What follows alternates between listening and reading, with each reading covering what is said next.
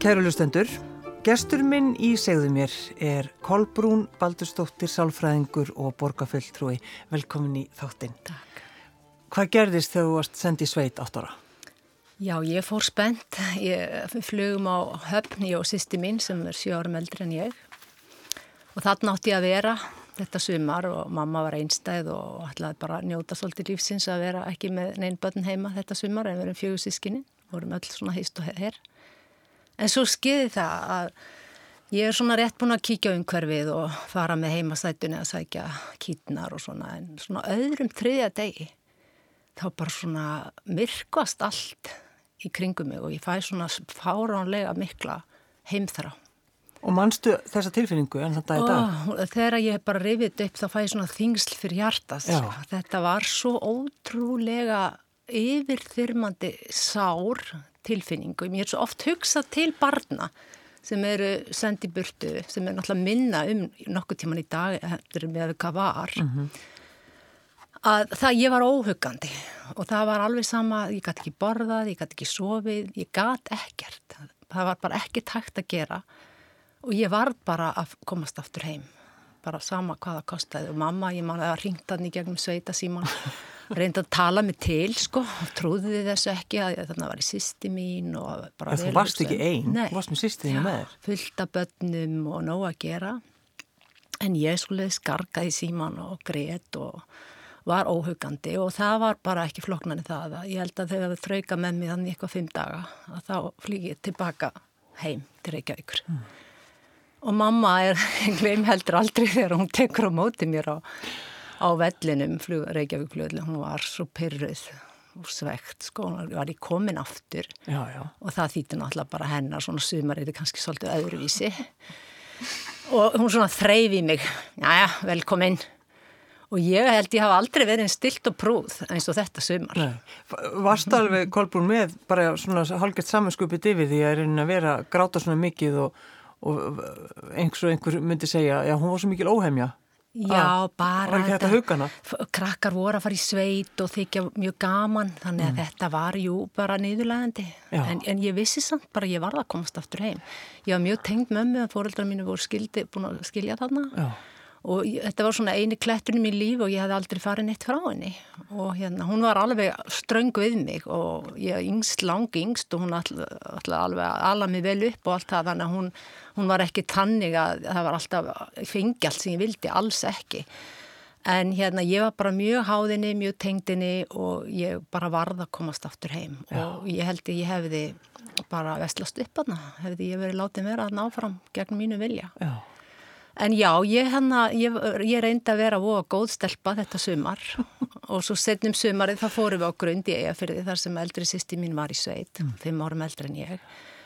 Og hérna, og mér fannst það allt öðruvísi sveit, en þar var ég þetta með mömmu með mér þannig, en setna fór ég síðan aftur á grund sjálf, það var fermingar árið mitt og, og, og ég grænjaði mig ekkert heim þá. En hvernig var svona heimilislífi hjá okkur eins og þú segir, þeir voru fjögur sískinni og mamma þín og þið bara, og hún var einn Já, hún var einn og við byggum hann að efstu, hæð, þymtu hæð á, á Víðumel 19 Já. Þar sem gluggarnir snúa bara beint upp í loft. Ég hugsa að íbúðin hafi ekki verið meir en 40 fermetrar. Þetta var Hvað bara svona pínu, pínu lítið íbúð. Mér langar eiginlega svolítið að koma í svona íbúð, þessa íbúð aftur núna á fullanasárum, bara til þess einhvern veginn aðta mig á þessu. En við vorum saman þarna þrjár sýstur og mammi í einu herbyggi og bróðið minn var svo í hinu herbygginu. Og þarna voru við, ég synilega á sjötta ári, 6 til 12 ára eru við þarna. Já. Og jú, jú, þarna var tekið til, tekið til einsin í viku á legatum og þá bökuð skúfukaka en þess á milli held ég að verið eins og sprenging þarna bara allt, þetta er allt sko. Já, þú varst á þessum tíma korpun þegar það mitt var tekið til á legatum og bökuð skúfukaka. Bökuð skúfukaka. Það er nú margt verið en það. Hver var afiðinn?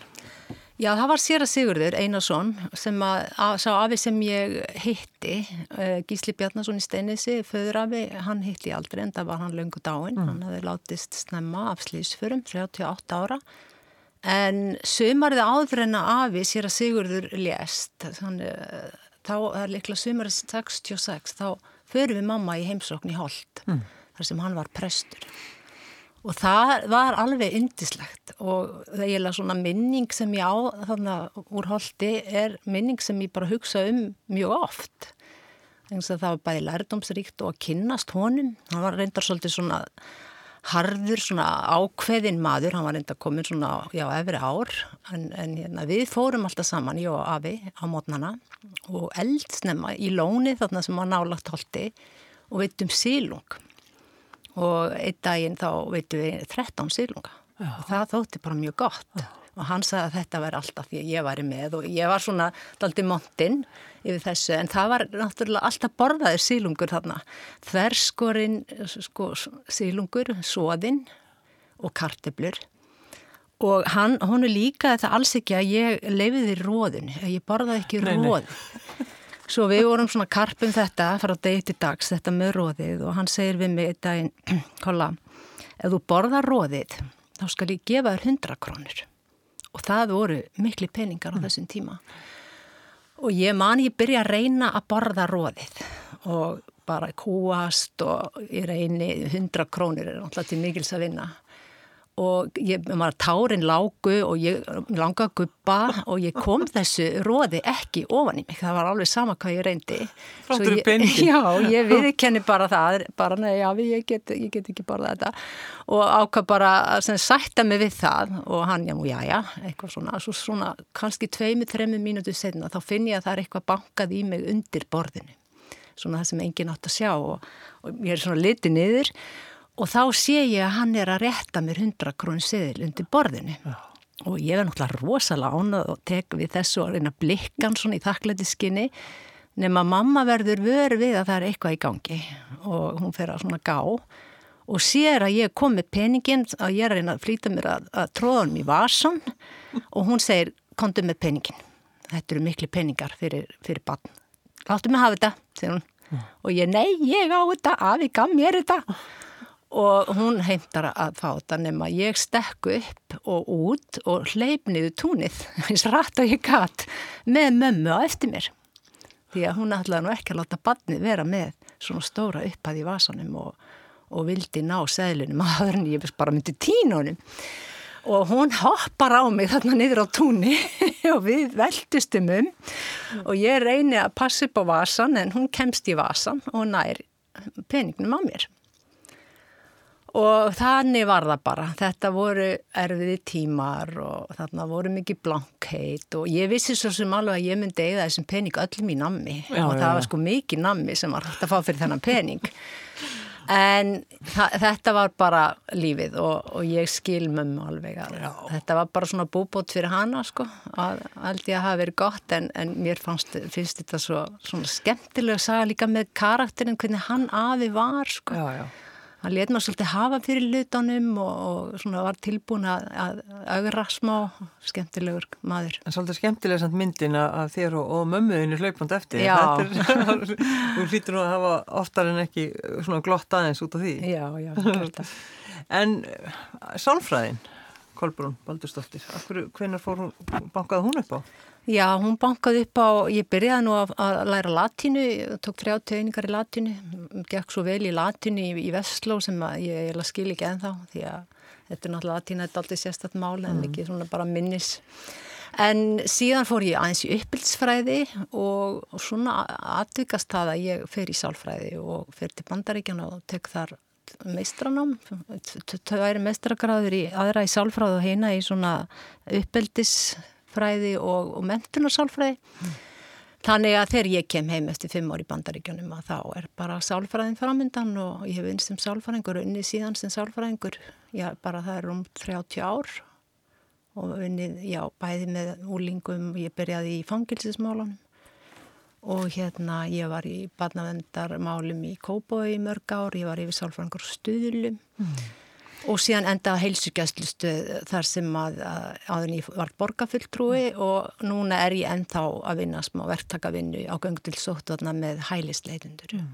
En þannig að þú, Kolbún, velur einmitt þessa staði sem eru sko, já fyrir kannski leikmann alveg ótrúlega erfiðir staðir og bara, þú veist, það eru það barnavendamálinn náttúrulega. Já, og fangilsismálinn. Fangils og, og stuðlar, bara Já. þessi, þessi, þessi staðir allir. Og síðan fólki sem er að sækja um að fá dvöl hér Já. á Íslandi. Það Já. er í rauninni mjög stór, stór mál og mjög átaka mikil Mm. mál og taka á. Hvernig gengur þér að taka á því allir saman? Mér gengur vel, sko. Ég hef náttúrulega komið talsverða reynslu og hérna, ég held sér gott að hafa líka reynslu að vera í svona málum. Þetta er oft með túlka, túlkum með þetta eða við notum það sem heitir language line, síma túlkun og það er þar svolítið reynslu í að vinna svoleiðis, vinna með svoleiðis tæki. Mm. En eh, ég er mjög oft þreytt eftir þessa daga vegna þess að þetta er svo átakanlega mál. Fólk er að koma frá svo miklum hörmungum og það er búið að upplifa svo skelvilega hluti og síðan er það hér kannski alltaf tvö ára býð eftir svari og óvissan er bókstæðlega að fara með fólk og það er eiginlega að vesta. Það er þessi óvissa, verður þau sendið tilbaka eða fá þau að vera. Og ef eitthvað væri sem ég myndi vilja breyti í þessu kerfi það er að láta fólk ekki býða svona lengi eftir svari. Er þetta svona þín baráttumál svolítið? Já, nú er ég ekki á þingi, Nei, nei. en ég, sko, það þarf bara að laga til í, í þessum málum og ef ég væri á þingi þá myndi ég vilja beita mér fyrir því. Ég vil ekki að fólk þurfa að býða í svona óviss og börnin og óvissa getur gjörsanlega, er bara eiginlega versta sem hægt er að hugsa sér. Já. Þú veist ekki framtíð þína og, og þarf að býða kannski stundum alltaf tvö ár. En hvernig var að vinna í tengslum við fangana? Hvernig fannst þér að, að þú veist, bara vera í kringu fólk sem var kannski hræðilega óhangisamt? Já, það var, þetta var fyrsta vinna mín eftir að ég kom heim. Já, það það. var svona lítið djúblaug, það bara losnaði þarna og ég byrjaði reynda sem félagsráðgjafi þarna því ég var ekki búin að fá löggildinguna, hún kom þarna nokkur mánuði setna og þá var ég sálfæringur. Þarna voru þetta hópur sem að þetta var bara svo mikið lærdómur og mikið reynsla. Ég held að þetta hafi verið gott að byrja á þessu, það var Já. erfitt en, en það, það, eftir það var kannski, voru hlutinir ekki, ekki eins erfiðir. Ertu þá fordómalus einhvern veginn? Já, eh, kannski er maður alltaf einhver fordóma en ég vil samt meina að ég sé á nokkuð góðum stað með það sko. Ég, ég vil bara vinna fyrir all- alla og, og reyna að gera lífið eins gott fyrir alla og hægt er. Já. Fórst í sálfræðin til þess að gera það, til þess að, að vildur hjálpa fólki? Já, ég, ég er mjög mikið þar sko. Ég, hana, ég, ég vinn mjög oft bara án þess að ég sé endilega að fá eitthvað greitt fyrir það bara ef það er eitthvað sem ég sé að verður að gera. Ég er svolítið á þessum stað þar sem maður gerir það sem þarf að gera. Ég veit ekki hvað, þetta er svolítið uppbyldslegt. Þú bara gerir það sem þarf að gera. Hvað sem það kostar nánast og ef ég sé að þarf eitthvað að gera, þá fer ég bara í það. Já. Og það er stundum alveg út yfir, langt út fyrir, fram yfir það sem að ég hef kannski orgu eða bara, já, til og maður er ofta orðin ansi þreytur. En það kemur það stundum líka niður á heilsinni Já, já. já, en maður vinnur yfir sig. Þegar þú uh, sko ert mjög þreytt, leitar sko hugurinn þá tilbaka og hugsaður þá kannski um afaðinn, ertu þá, þú veist, getur þú farið, ferð á einhvern sérstakann stað, bara í hugaðinu? Já, ég, ég hugsa mjög oft um hann Já. og um þessar það, minningar sem ég á. Uh, þær voru ekki alla góðar í benskunni, það gekk á ymsu bara í minni fjölskyldu. Mm. En hérna, já, ég leita, leita oft til þessara góði minninga og brosi innra með mér. En ég líka, ég reyna að reyfa mig, ég reyna að vera að lesa góða bók, þó ég les ekki mikið á hverjum degi. Ég reynir stundum að gripa í prjóna, mér finnst þetta slakandi og ég vil að horfa bara góða bíómynd. En uh, svo er það ekki mikið meira þessa dagana, ég held að ég sé ekki mikið að hitta vini eða neitt þessa dagana, sko. Nei. það er bara mikið álag. Já. Finnst þið gaman að tala um pólitík? Já, já, en ég er ekkert að fara að tala um pólitík núna. Nei, var búin að banna þér Já. það. Já, mér finnst mjög gaman að tala um pólitík. Hef, mér hefur alltaf þótt það mjög gaman. Ég hann, var svolítið mikið á ömmu minni, Marja Ásmundsdóttir, þegar ég var alast upp og hún var, uh, las blöðin alveg fram og tilbaka og, og setti mig inn í mál og ég man bara þegar að Kristján Eldjátt og Gunnar Tóruðsen voru í fórstaframbóði og þegar að Kennedy var skotin og við amma, við, við rættum þetta og spáðum og spekuleruðum mjög mikið í þessum málum. Þannig að þannig held ég strax að pólitískur áhugi eða svona áhugi á mál, málefnum heimsins og, og landsins hafi komið inn. Þannig að hún uh, fletti blöðunum og fór að segja þér frá. Já, og svo fór ég að lesa blöðin og þetta gerði við mikið við amma. Að, að bara skoða hvað var að ski heiminn. Já. Já. Fengur ykkur eitthvað að borða með hann? Já, já, það var svona eitthvað smottir í. Já. en ekki súklaði kakkan, hún var bara lögatum. Já, bara lögatum. en sko, þetta að, að vinna í rauninni það mikið að þú getur valla, þú veist, maður gleymir að draga andan einhvern veginn. Mm -hmm. Og þú, þú vannst yfir þig, er það ekki, Kolbrún? Jú. Ef það má segja svo. Það má segja svo. Já. Og það var alveg bara, ég er enn hissa þegar ég reyðið upp en það samt minnir mann á að maður er ekki endalaus mm. og ég er pínlítir hættum að vinniði við núna líka en það gerðist fyrir held sex árum síðan að ég tók eftir því að ég var bara komið með svona einhverja hita vellu mm.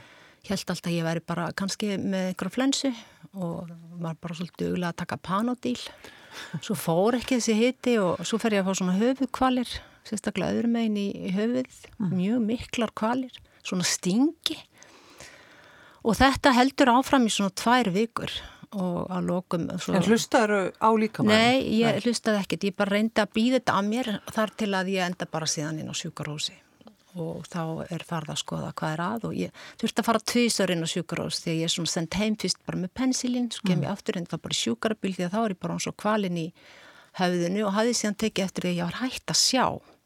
Ég var að reyna að lesa frettablaðið og ég bara sá ekki lengur stafina í frettablaðinu og ég var bara að rýna í tölvuna með því að vera alveg upp á skjánum og það var eitthvað, eitthvað nú bara síðan er þetta að koma einhverju 10-15 finnst mér bara ung læknar og alls konar hjúkunarfólk og ég láti segja sömu söguna hvað er að og og ég fekk svona tilfinninguna að það væri kannski verið að líta mig bara svona miðaldra kona komin kannski til þess að ná sér í lif eða eitthvað, ég, eða kannski var ég bara svona illastend, ég er mm. ekki að segja að fólk hafi verið að hugsa þannig. Nei, nei, en það er svona þín, þín Já, tilfinning, hvað er aðeins fyrir koni, nei, Já. og svo er ég að fara alls konar rannsókn, kemur ekkit útrúsinum að það er alveg staðarind að ég er með hita. Og þess að höfukvalir auðvitað mátti fólk segja, nei, þetta er nú bara einhver ímyndin en ég er með hita Þannig að það er eitthvað að og ég er alltaf að segja að ég er hægt að sjá. Já. Ég sé ekki lengur, ég get ekki lengur lesið blöðin og ég er örgulega búin að segja 10-15 manns þetta. Og þá er kallar til svona okkar færasti bólk og giktar sérfræðingur og til á, bara til álit, álit sem álitskjafi. Og ég segi aftur sömu söguna og ég sé ekki og hann bara, heyrðu, hvað meinar með því? Sérði ekki? Og nei, ég get ekki lengur lesið fréttablaði, valdi ég þannig veit ekki hvað átt ég múið segja þetta. Og þá skiptir einhver tófum að ég send nýra á augdild þannig á ílskötu og augun eru stút full af litimnubólku frumum og svo miklum að það var alveg spurning um hvort að það næðist að bjarga augunum. Og þá er allt í hennu allt annað viðþorf og þá er bara, byrjar bara nýr kabli það komið eitthvað en orsakirnir eru, hver eru það? Nei, það er ómöld að vita og þetta er einhver svona sjálfs ónæmis eitthvað, mm. sjúkdómur. En ég byrja að taka þarna stera sem að bara að strax og þetta er orðið ljóst, bæði mikið í augun og, og hérna og inn og þetta er á fymtudegi og ég segi við þennan lækni, ég þarf að vera komin hérna út því að ég er á leiðin til Berlínar á miðgudaginn. Já og hann horfur á mig bara svona og segir Kolbrun þú gerir enga grein fyrir hversu veik þú ert. Já það skiptir engu máli ég er að fara á fund formanna barnaheilla. Fyrsti formannafundurinn sem haldin er í Berlín næsta miðgudag og ég verða að fara, það er búið að ganga frá öllu. Mm. og þá var ég formað barnaheilla á þessum tíma. Og hann hristi bara hausin en ég byrja að taksa stera og um leið og það gerist eða það líða kannski svona hálfi sólaringur þá fer mér strax að líða betur í höfðinu og hitin lækar mm og hann saði þessi læknir, þú ert að bara taka þessum livjum ótrúlega vel, áhrifin eru bara ótrúlega góð. Og ég byrja bara að lagast mjög hratt, losna við hitan, losna við höfukvalinnar og ég er útskrifuð þarna örkur með helgina og ég er komin til Berlín á mjög deginu. Já, það var sem ég ætlaði að spyrja, komstu þákað? og augun sko stútfull að styrum þannig að augasteininir voru risastórir og þannig satt ég á sem formunafundi og þau horða á mig formuninir frá heinum löndunum og svona Kolbrún, are you okay? Já. og ég, yes, I'm fine og það gekk allt vel en ég er sannlega aldrei einn streitt á æminni eins og því kom heim frá þessum fundi ég held ég hafi skriði bara síðasta spölin upp í rúm en, ég var á styrónum í marga, marga mánuði En hvernig áttu það við þig að vera veik? Varstu... Já, bara svona, ég get bara ekki verið veik Nei. Það þýðir bara ekki. Þú, bara, þú hugsaði bara það stoppar mig ekki neitt? Já, og mér, mér leið þannig líka þegar, vil þegar ekki var að vita hvað væri að og ég var svona kvalin í höfðinu, þá einhvern veginn fannst mér eins og þetta hliti bara að fljóðlega allt saman að skýrast og ég var alltaf einhvern veginn svona bjart sín og ég væri á leiðinni til Berlínar innan viku, ég einhvern veginn misti aldrei þá trú.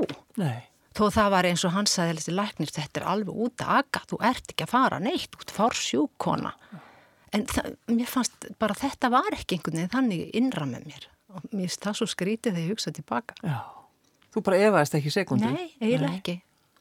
Það er alveg skrítið. En, en, segi, en síðan, sko, hann vildi ég færi bara að kvíla mig, myndi fara í frí frá vinnu og þetta var bara spurning hvort að maður vildi ekki fara bara á öryskjabætur eða eitthvað. Mm.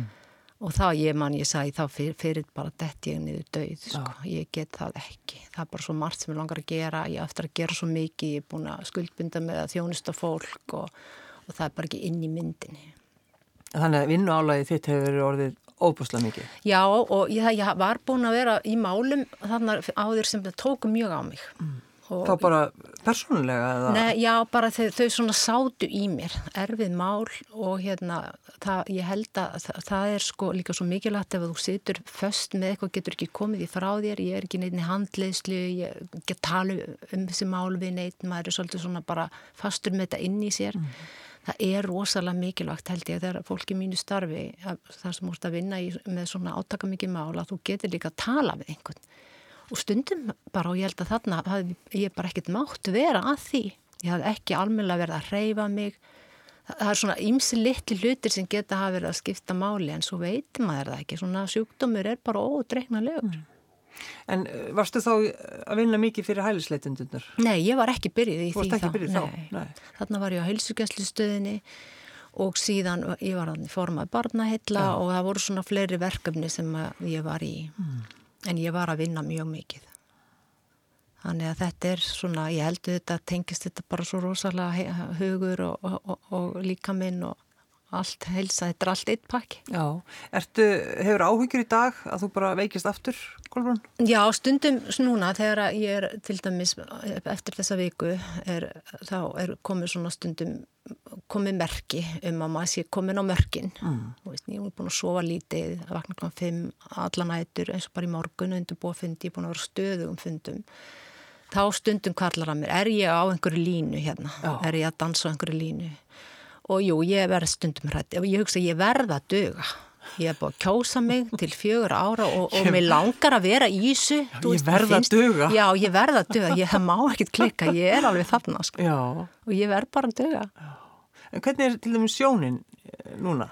Já, nú er ég bara góð, ég er ekki með neitt af þessum einnkynni lengur en hins vegar þegar maður er þreytur og búin að vinni við sig þetta, þá, þá slagnar á öllu, það höfuð á mann er ekki eins Nei. og maður verður þetta bara hlusta á það og stoppa, maður er líka að kunna stoppa en ég er kannski ekki mannskjönd til að kunna stoppa. En það er einhvern veginn þannig þegar að fólk er, það veikist og það er einhvern veginn ekki til nafn og þá kemur einmitt oft þetta uh, sjálfsónæmis sjúkdómur. Og fólk svona mm, Já, einmitt, hvað er nú það? Er það? Og ef ég hefði ekki haft þessi enginni svo hita sem hægt er að mæla og svo kemur ég ljósa ég með svona mikla bolgur í augunum þá held ég að ég hefði líka fengið bara svolítið stimpilin þessi kona er bara hysterísk Já. og er hún ekki bara að koma hérna að leita sér að livjum og ef ekki aðtuga inn í livrina og livrin var aðtuguð og ég hugsaði að það ætla að koma í ljósa ég er búin að fá mér nokkuð kvítinsklus en svo kemur þessi þína útkoma á livrinni og þá passaði það ekki lengur. Þetta er gott. Livrin í kolbunum baldurstóttur er bara góð. Það er bara fínt En eh, eins og þetta er mitt formaði barnaheila, Já. hvernig var það starf? Já, það var bara mjög, eh, svona, þetta voru sex ár og hérna þetta var, gekk vel, eh, þetta var stundum verið að svona ekki að takast á en við vorum alltaf sammála en oftast næri var bara mjög samhældni í stjórninni og, og með, með starfsfólkinni. Já. Mér fannst þetta alveg indislegt að fá þetta tækifæri mm. í, í sex ára. Þetta er tíminn sem má vera formaður, þannig að að það var skemmtilegt og hérna ma maður hitti stundum á forminina þó að það var ekkit oft en, en þetta var, er bara svona góð, góð reynsla mm. skemmtilegt fyrir mig líka því bara svo mikið í þessu málu með börnin og, og er ennþá í því í borginni núna. Ég hef búin að leggja inn fjöldamála til að skoða hagsmunni og bæta hagsmunni og þjónustuði börn bæði í skólum og hjá efnaminni fjölskyldum. Þetta er bara það sem að... Það er svolítið það sem þú ert að Já. tala um eiginlega næstu bara hverjum degi. Líku við. Byðlistafnir og allt þetta. Já. Já. Verður... Ég vil ekki að börn líði, ég vil ekki að börn þurfa að býða og kannski er ég líka, ég kem sjálf, ég var broti bann, fráskildir, foreldrar, pappi, algi og þetta mm, allt. Ja. Kannski er ég svona rosalega viðkvæm fyrir þess að ég mamma sjálfur eftir að hafa verið ekki alltaf að líða vel sem barni. Börn eru líka bara börn og þau þurfa að fá að vera börn og, og við erum að hlúa að börnunum því að þau eru framtíðin.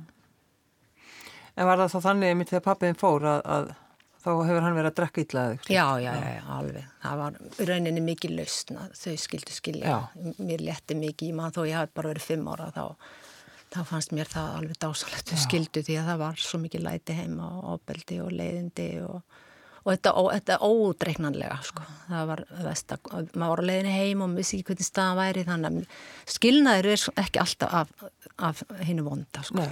bara fyrir börnin er hann stundum líka bara af hennu góða já, já. það er þetta, þú veist, hvað, einmitt, hvað já, fer, er þegar, þegar, þegar ég kem heim já, fyrir eftir aðstæðum sko. þannig að ég saknaði hans ekkit út af heimilinu en ég gæti alltaf hitt hann hann bjóð síðan hjá mömmu sinni, var enga sonur bara ásvöldlega eitt þar sem þau voru já En stundum var hann líka áfram næstu árin bara fullir þar og, og, og en þá gæti farið þaðan og heim mm. þar sem var öryggi allavega þar til að mamma heiti næsta mann sem var líka algi en hann var ekki þessi reyði algi þannig að það var öðris og þá var ég orðin úlingur en ég fór snemma heimana því ég var búin að fóra leið á fyllir í á heimili mm. Hvað varstu gömul þú fórst að heima? Ég flytti 16 ára til kærasta minns. Já. Við höfum hýst í dansi, vorum danspar, svona síningapar hjá Heiðar Ástóls. Já. Og ég flytti heim til hans 16 og hérna, en uh, eins og ég segi bæði pappi og, og fóstri minn setni, þetta voru góði menn og stuttu mig alltaf í öllu því sem ég gerði. En það var bara spurningin að vera edru og flottur og góður og indislögur eða þegar áfengi búið að taka yfir og gjör breyta mannskinni eins og við öll vitum hvernig það getur gert. Já, já. Er hann, uh, er hann dáinn? Þetta fólk er alltaf. Alltaf, er alltaf. Já, alltaf. Já. Hugsaður oft um þau? Já, já, já. Mér finnst uh, þau oft vera hjá mér. Ég er svona pínu, mér, ég, ég var trúið sem barn. Ég fór mikið í Neskirkju og hérna í barnastarfið mér fannst það alveg bjarga bara, bjarga mér sem barn. Mm. Ég hlakkaði svo mikið til að ég var að sapna myndum, svona Jésu myndum og ég var komin laungar að, að þetta byrjaði í neðskirkji og mætt fyrst og satt eini í kirkini svo spennt fyrir barnastarfinu og hérna og svo þegar ég varð úrlingur þá fór ég svona í mótróa og hafnaði þessu öllu og en eftir ég átti dótti mín eldri 22 ára þá komið einhvern veginn allt aftur. Já. og ég bara er svo ánað að geta sagt að ég, ég bara trúi á allt þetta góða þarna og mér finnst stundum bara eins og mamma vera bara hjá mér, hún sé þarna og pappi líka. Ég, mér finnst að ég upplifa þennar svona styrk og, og hennar og stuðning í gegnum svona trú en, en ég veit að þetta er bara mismunandi hjá fólki. Já, já, ertu sko, talar þú stundum um það? Það er svo ofta eins og maður er ekki að tala um það ef maður er trúaður? Já, ég tala um það, ég er bara að tala um allt. Já, þú gerir það? Ég er alveg mannskjan sem tala um allt já. og mörgum finnst það ekkit endla og þægilegt sko. en ég, bara, ég vil bara tala um allt, ég hann, hef bara, mér finnst það bara gott og já. ef fólk vil nexlast á því þá bara gera það, það, það er bara þeirra mál en ég er heldur ekkit að reyna að segja aðri eigi að vera eins og ég. Nei, nei. en hérna, já, þetta er bara þetta er bara gott, hver og einn verður að velja sér eitthvað taldreipi. Og hérna, ég sitt á kirkjutingi það er nú ekki tilkomið vegna trúar ég vil segja það, en ég hann að sóti svona um að senda inn kynningabref einhvern tíma að vera að leita leikmannum já, já. því mér langaði til að hjálpa til í eineltsmálum og ég mér langaði því ég er búin að vinna mikið í þeim og, og hérna er með ákveð mjög flott verklag og stefnu sem ég er búin að vera að vinna að í borginni og er verða að nota þar og viða í gegnum tíðina á vinnustöðum og skólum og ég vildi koma almeinlega verklagi á innan kirkjunar og það tókst og núna er starfandi teimi hjá kirkjunni sem er utan að koma til fólk, fagfólk og þangað er hægt að beina tilkynningum og kvörtunum. Allir þeir sem eru með slík mál sem tengjast einhvern veginn kirkjunni. Og þetta, ég fór inn á kirkjuting til að gera þetta og þetta, þetta var alveg verkefni og ég þurfti að þetta samþýtt á kirkjutingi og, og það er ólöng saga að fara í gegnum ferlið en það tók alveg á en það tókst og, og ég hafði stuðninga helstu manna þar að, að klára þetta mál og, og núna er þetta komið í gang og teimið farið að starfa Að, og færð þú þá út? Erst þú ekki já, nei, ég er kosindi fjögra ára, jú, ég er á sama tíma í kirkjuþingi og í borginni, það var, gerðist allt sama vorið. Þetta var svona kostningavorið að ég var kosin, eins og bókinni, hérna, ég var kosin. Ég var kosin, en, en kosin, akkurat þú sækir um þetta að fara inn í kirkjuþing, þá gætur þú alltaf, getur þú alltaf nota söguna, ég var alltaf fyrst í sundarskólanum. Já, ég er búin að segja en það, alveg, já, já, já, en hérna, já, það er helmingskjörtímabil. Þannig að fyrsta árið gekk ég í þetta verkefni með mm. eins og, og, og nú er það þannig að, einelti og bara ofbeldi almennt séð er allt undir sama hatti. Þannig að það er ekkert eitthvað kynferðisofbeldi hér og svo einelti hér. Þetta er bara eitt kerfi mm. og þú kvartar ef þú hefur yfir einhverja kvarta og teimið tekur við málinu. Já. Þannig að ég lauk því þessu á fyrsta ári og, og nú er einmitt kirkjuþing að byrja aftur og núna bara eftir viku það er náttúrulega búið að vera alls konar tafir út á COVID og svona en hérna, já, það hefur líka verið bara mjög skemmtilega reynslegur að kirkjuþingsfulltrú og auðvitað hjálpar það að ég er alveg með í, í trúni þannig, mm. þó ég er ekkit mannska sem er að fara, var að fara mikið í kirkjur eða neitt slíkt, en ekki nema bara að vera einhver um að vera oh, oh. þannig ég er ekki, ekki súmannska sko, en það þarf heldur ekkert endilega Kolbrún, baráttu hugurinn, hvaðan kemur hann? Ég held að það sé bara svona, ég hurti bara ofta að redda mér, maður var einn yngstur og, og, þetta var ekkert svona, var ekki, það var ekkert á silfurfati, þú hurti bara að bjarga þér. Ég fann að þó föti mín sjálfa mér þegar ég var svona eitthvað nýjára, fann bara að græja hluti og vera útsjónasum. Bara treysta algjörlega sjálf já, bara strax já, þarna. og ég, ég bara, ég, það er bara ómikið mikið þannig, ég bara, þú þarfst að geta gert hluti. Já og ég held svona karakterin bara, ég er svona ekta hrútskona bara mjög frökk ég frekar ákveðin, ég myndi einhver segja ég var í frek. Og hérna stjórnsum myndi öruglega allan eiginmaður minn segja Já, já, það er tínt til alls konar lýsingur En já, já, já, þannig að ég bara, ég gefst ekki upp sko, Nei. það er bara þannig ég, ég bara berst fram í rauðan döðan og blóði svit og tárum og þar til að þá bara og þetta þá eins og þegar ég var í samningamálunum ég var formaði stjættafélags en ég vissi líka alveg þegar bara komið tími til að taka upp pennan og skrifa undir en þá var líka mikið búið að ganga mm. en síðan kemur þetta að því að þú bara kemst ekki lengra og þú veist það en þú ert búin að gera allt sem þú getur. Og ég er bara þar alltaf. Nú er ég að gera allt sem ég get í borginni þó ég sé minni hluta gefst ekki upp en svo verði ég að láta í minni bókan oftast nær þar já. að því er í minni hluta Já, já, já, já. En eh, ertu stundum sko ferðu upp á skrifstjónaðina sem sem sagt Kolbrún Baldurstóttir Sálfræðingur. Já, af og til fer ég þangað í, í hann að gera svona einstaka mjög afmörku verkefni. Já. Ég er ekki lengur með svona, meðan ég er í borginni meðferðar við töl og ég bara hef ekki rými tímalega séð í það. En mjög afmörku verkefni þá fer ég endrum og sinnum þangað. Já. Það er bara lengri sólarhinga á þetta. En, en hvernig líður þeim til þú fer þangað? Þú fer bara, veist, situr þannig í sæti, sætinu þínu sem sálfræðingur? En mér finnst það bara óa gott. Já. Já, maður komið til þess að reyna að hjálpa fólki, reyna að vinna með fólki og, og ég held maður hætti aldrei einhvern veginn, alveg sama þó að ég borga fulltrúða hvað, að þá er ég maður bara sálfræðingur. Já. Einhvern veginn er það út í gegn. En þú velur samt einhvern veginn þannig mál uh, sem þú ætti að berjast fyrir. Uh, einhvern veginn þannig mál að maður hugsa, já, þetta er allt svo sjálfsagt að þetta eigi að ganga vel og ganga mm. upp. Þannig er það ekki. Nei, þannig er það ekki. Ég, ég meina við erum talað bara um börn, börnin okkar. Ég veit það. Og það var mjög erfitt fyrst í borginni að því að ég líka svo þver, sko. og ég ásá erfitt með að taka einhverju rugli, þegar einhver asnali rög sem er ekki neina rög bara, því, það er bara að því bara oh. og að því bara við ráðum, ég er átti mjög erriðt með þetta, ég fór stundum svolítið bara svona vælandi heima fundum og næstu farin að gráta á sumum fundum, oh. fyrst í borginni en það er ekki lengur, ég er alveg komið með skrápin núna, en ég var stundum bara, ég átti ekki orð, bara með tárin í ögunum, akkur ekki, akkur vil ég ekki samþykja þetta góða mál Þetta er bara, þetta er mjög töff, Já. sérstaklega fyrir mannskins og mig sem er vön bara að halda áfram þar til ég næ einhverjum árangri. Kolbrún Baldurstóttir, Sálfræðingur og Borgarfulltrúi, takk fyrir að koma. Takk fyrir mig.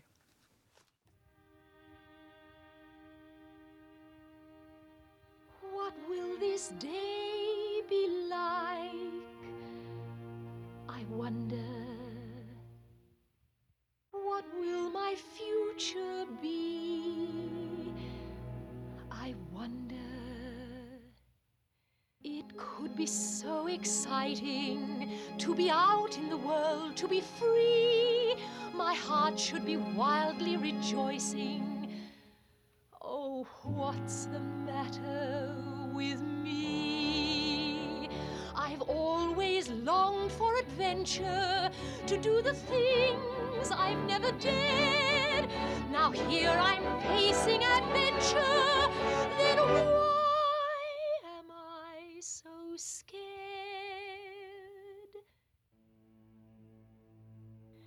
A captain with seven children. What's so fearsome about that? Oh, I must stop these doubts, all these worries. If I don't, I just know I'll turn back. I must dream of the things I am seeking. I am seeking the courage I lack. The courage to serve them with reliance. Face my mistakes without defiance. Show them I'm worthy, and while I show them,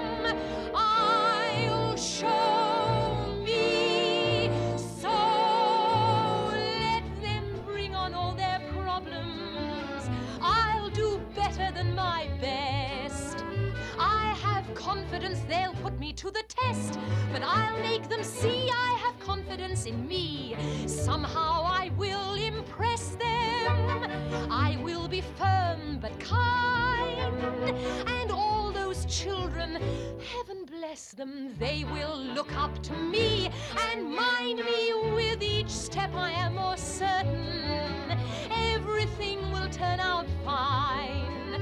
I have confidence the world can all be mine. Agree I have confidence in me. I have confidence in sunshine. I have confidence in rain.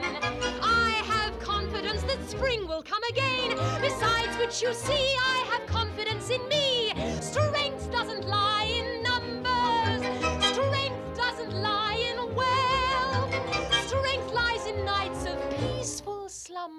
When you wake up, wake up! It tells me all I trust, I leave my heart to. All I trust becomes my own. I have confidence in confidence alone. Oh, help. I have confidence in confidence alone. Besides which, you see,